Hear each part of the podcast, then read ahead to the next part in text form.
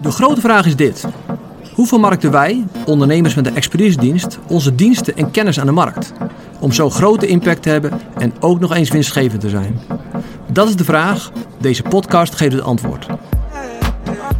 Mijn naam is Dirk Teveling en welkom bij de Expertise Marketing Podcast.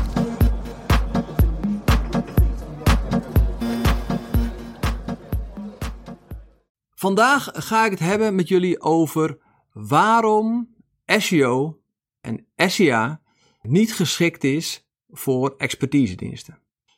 En voordat ik iets meer de, de antwoord op ga geven, eerst even het grotere kader. Ik zei het al, SEO, uh, SEA, uh, dat is de afkorting voor, en sommige mensen zeggen ook SEO, CA. Uh, toen ik de eerste keer dat hoorde, denk ik, wat zegt hij nou? SEO, CA.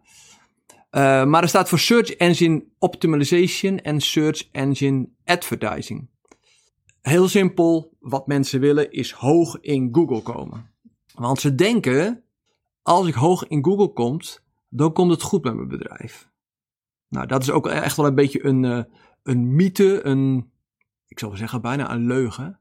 Maar het lijkt vandaag de dag dat marketing, online marketing, gelijk staat aan SEO en SEA.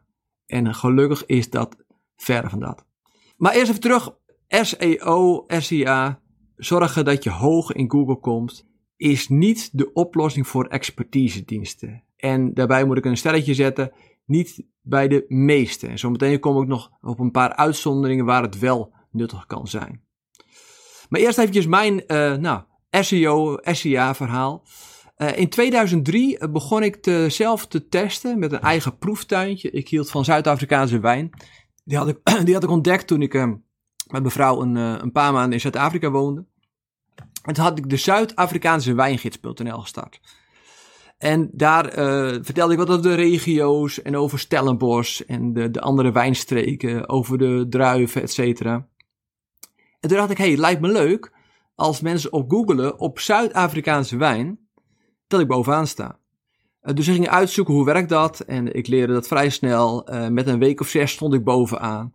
En het leuke is natuurlijk, gingen wijnhandelaren bij mij advertenties, of nou, mij uh, niet betalen voor advertenties, maar sturen mij wijn, een doos met wijn, zodat ze nou, daarin verder vernoemd.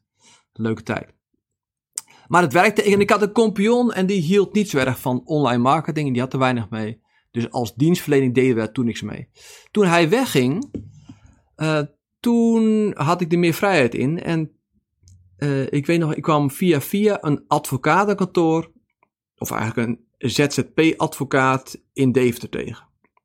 En daar moet je wat houden. Het was een advocaat. Daar komen we zo meteen op terug. Dat is belangrijk. Uh, en die zegt: Dirk, ik heb door mijn neefje een website laten bouwen. maar ik sta op pagina 6 en dat is niet de bedoeling. En toen keek ik ernaar en toen zei ik: Oh, dat kunnen we wel oplossen.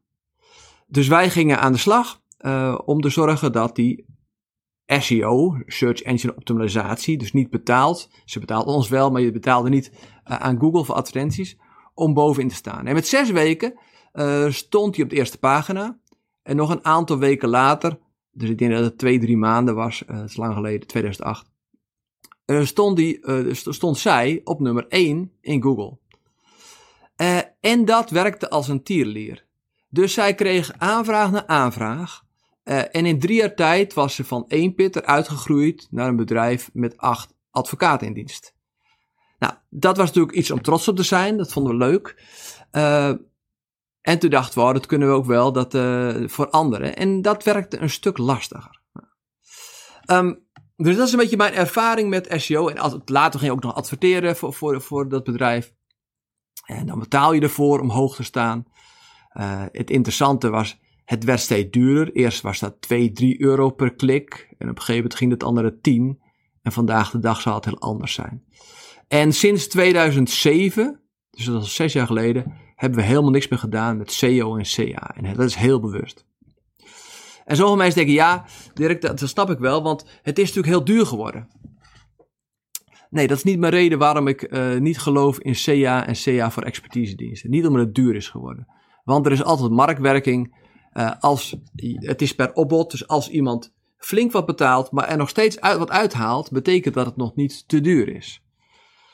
Dus daar zit het in. Het, het is ook niet dat het ehm, heel erg manipulatief is. Uh, en dat moet ik uitleggen. Om hoog te scoren, organisch, dus SEO, uh, moet je soms allerlei trucjes uithalen. En dat noemen ze dan de black hat of grey hat uh, search engine, engine optimization.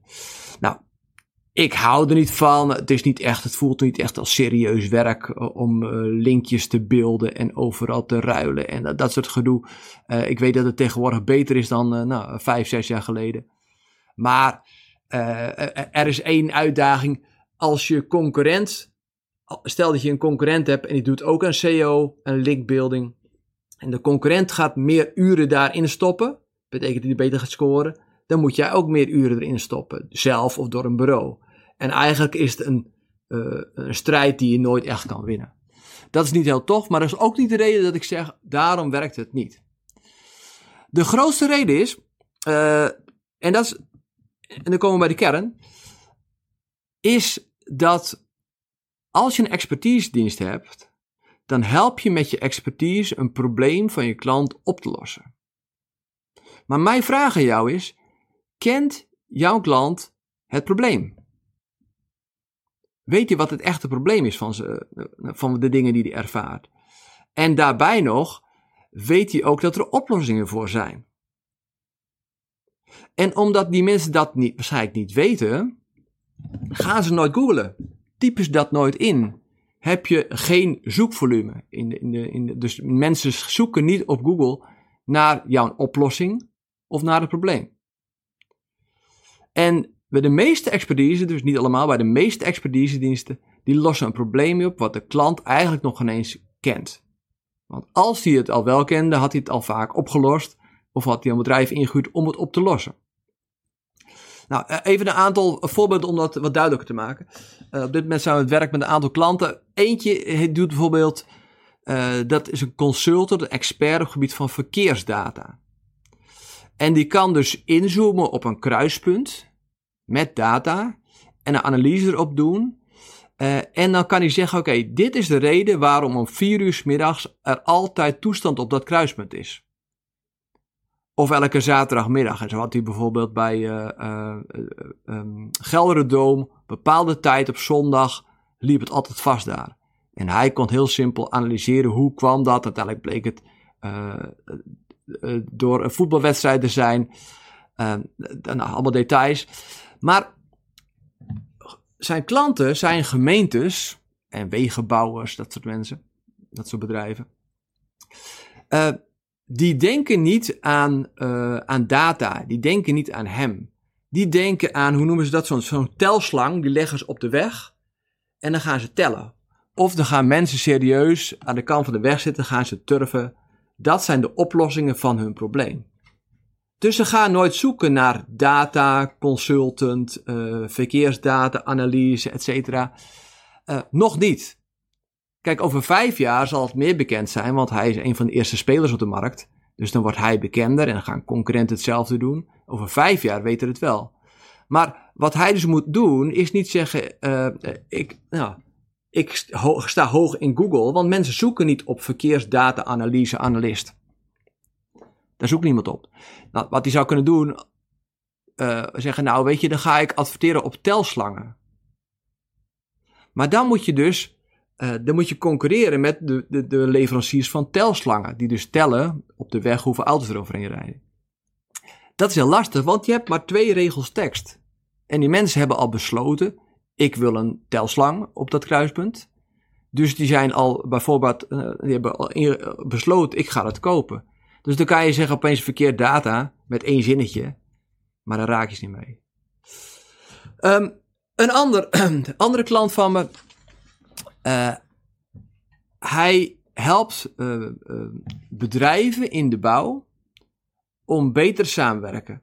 Hij, als er gedoe en problemen zijn tussen bouwteams van meerdere, nou, meerdere bedrijven die samenwerken, nou, dat gaat er in bouw vaak fout is hij een ster om te onderzoeken en hun te helpen om beter samen te werken. Nou, hij noemt zichzelf teamcoach. Maar ik denk dat er haast geen enkele bouworganisatie is. Denkt, oh, die, dat loopt niet zo erg lekker met die samenwerking. laat ik eens gaan googlen bouwsector teamcoach. Dat is veel te soft voor die mensen. Daar zoeken ze helemaal niet op. Dus uh, ze komen nooit bij hem terecht via Google. Dus als je al gaat adverteren, is het gewoon totaal uh, jammer van onze investering. En als het SEO is, dan is het jammer van de tijd. Dus dan gaat hij het niet mee redden. Um, nou, ik hoop dat je begrijpt nu waarom dat niet werkt. Mensen zoeken niet op uh, het probleem en mensen zoeken nog niet op de oplossing. En als ze dat niet weten, wordt, is er geen, geen zoekvolume. Nou, punt gemaakt. Wat ik net zei, er zijn wel bedrijven met expertisediensten waar het wel werkt. Uh, nou, en dan komen we weer bij die advocaat. Wat heeft die advocaat dan anders dan de rest? Nou, de advocaat die lost een urgent probleem op, meestal. Hij doet natuurlijk algemene voorwaarden, dat soort dingen. Maar meestal wordt een, eh, een, een, advocaat gebeld als er een juridisch probleem is. Dus als jij een probleem hebt, je wordt opeens aansprakelijk gesteld voor iets. Uh, en dat is onterecht. Of je hebt een boze medewerker die, die, uh, nou, uh, die thuis ziek zit. Dan, op dat moment pak je de telefoon en google je voor een advocaat. En dan ga je hem bellen. Nou, dus bij hun werkt het wel. Maar het probleem is ten eerste urgent. En het is bekend dat er advocaten bestaan die dit kunnen oplossen. Nou, nog twee voorbeelden. Uh, stel je hebt een imago-schade, er is een, weet iets gebeurd in je bedrijf uh, en het komt in het nieuws en het geeft negatieve publiciteit, dan is het heel urgent om iemand te bellen, een media-specialist of hoe ga je om met de PR die een training gaat geven, die met je mee gaat denken, wat ga je zeggen? Dan is dat heel urgent en ga je er googlen. Nou, hetzelfde als je een datalek hebt of je bent gehackt, dan ga je bellen. Maar 99% van de expertisediensten eh, geldt dat niet voor. Oké, dan denk je leuk Dirk, uh, punt gemaakt. Maar wat dan wel? Nou, jouw uitdaging is om eerst het probleem te gaan verkopen. Want als mensen niet weten dat, het probleem, dat ze een probleem hebben, gaan ze nooit naar je toe komen. Dus wat ervaren mensen van het probleem? Dat zijn de symptomen. Daar ga je over praten en je gaat uitleggen: oké, je hebt altijd gedoe in dat bouwteam. Uh, en het wil niet, uh, deadlines worden niet gehaald, kosten worden overschreden, maar dat komt allemaal door de samenwerking van het team. Dus dat zijn de symptomen. Dan ga je uitleggen waar het dan in zit. En misschien zit het helemaal niet in de juridische afspraken, maar zit het veel meer in het team, hoe het team werkt, of ze elkaar vertrouwen, of ze eerlijk met elkaar durven te zijn. Of gaat het heel simpel over geld? Dus je gaat uitleggen waar die problemen in zo'n uh, bouwtraject vandaan komen en hoe dat op te lossen is. Nou, dat doe je dus niet met, met Google, maar dat doe je met social media. Dus op social media ga je targeten, bouwbedrijven. Vervolgens ga je niet zeggen, kom bij mij, ik heb een oplossing, je bent teamcoach. Dat zal ze helemaal niks, helemaal niet raken. Maar je gaat laten zien waar de symptomen vandaan komen. Oh, ja, en dat, wat het probleem is waar de symptomen vandaan komen. En vervolgens onderaan je funnel of onderaan in het contact kan je ook zeggen: oké, hoe ga je dat probleem dan oplossen? Dus social media is gewoon de weg. Uh, je kan ook gaan adverteren in de krant of in tijdschriften. Misschien nog steeds wel een interessante uh, manier. Uh, maar je moet bij de mensen in hun tijdlijn komen. Of in, in de tijdschrift komen. Dus je mensen moeten lezen over jou. De mensen die jij kan bedienen. En daarom is er weer een niche heel belangrijk. Want je kan niet iedereen bereiken. Dus je komt bij hun binnen, je gaat hun uitleggen wat het probleem is, uh, wat ze ervaren in de symptomen, maar ook dat er oplossingen zijn. Nou, dat is heel uh, simpel. Nou, heel simpel, het is werk. Uh, maar daarom heb je meer social media nodig en moet je uitreiken hun met content dan op Google adverteren.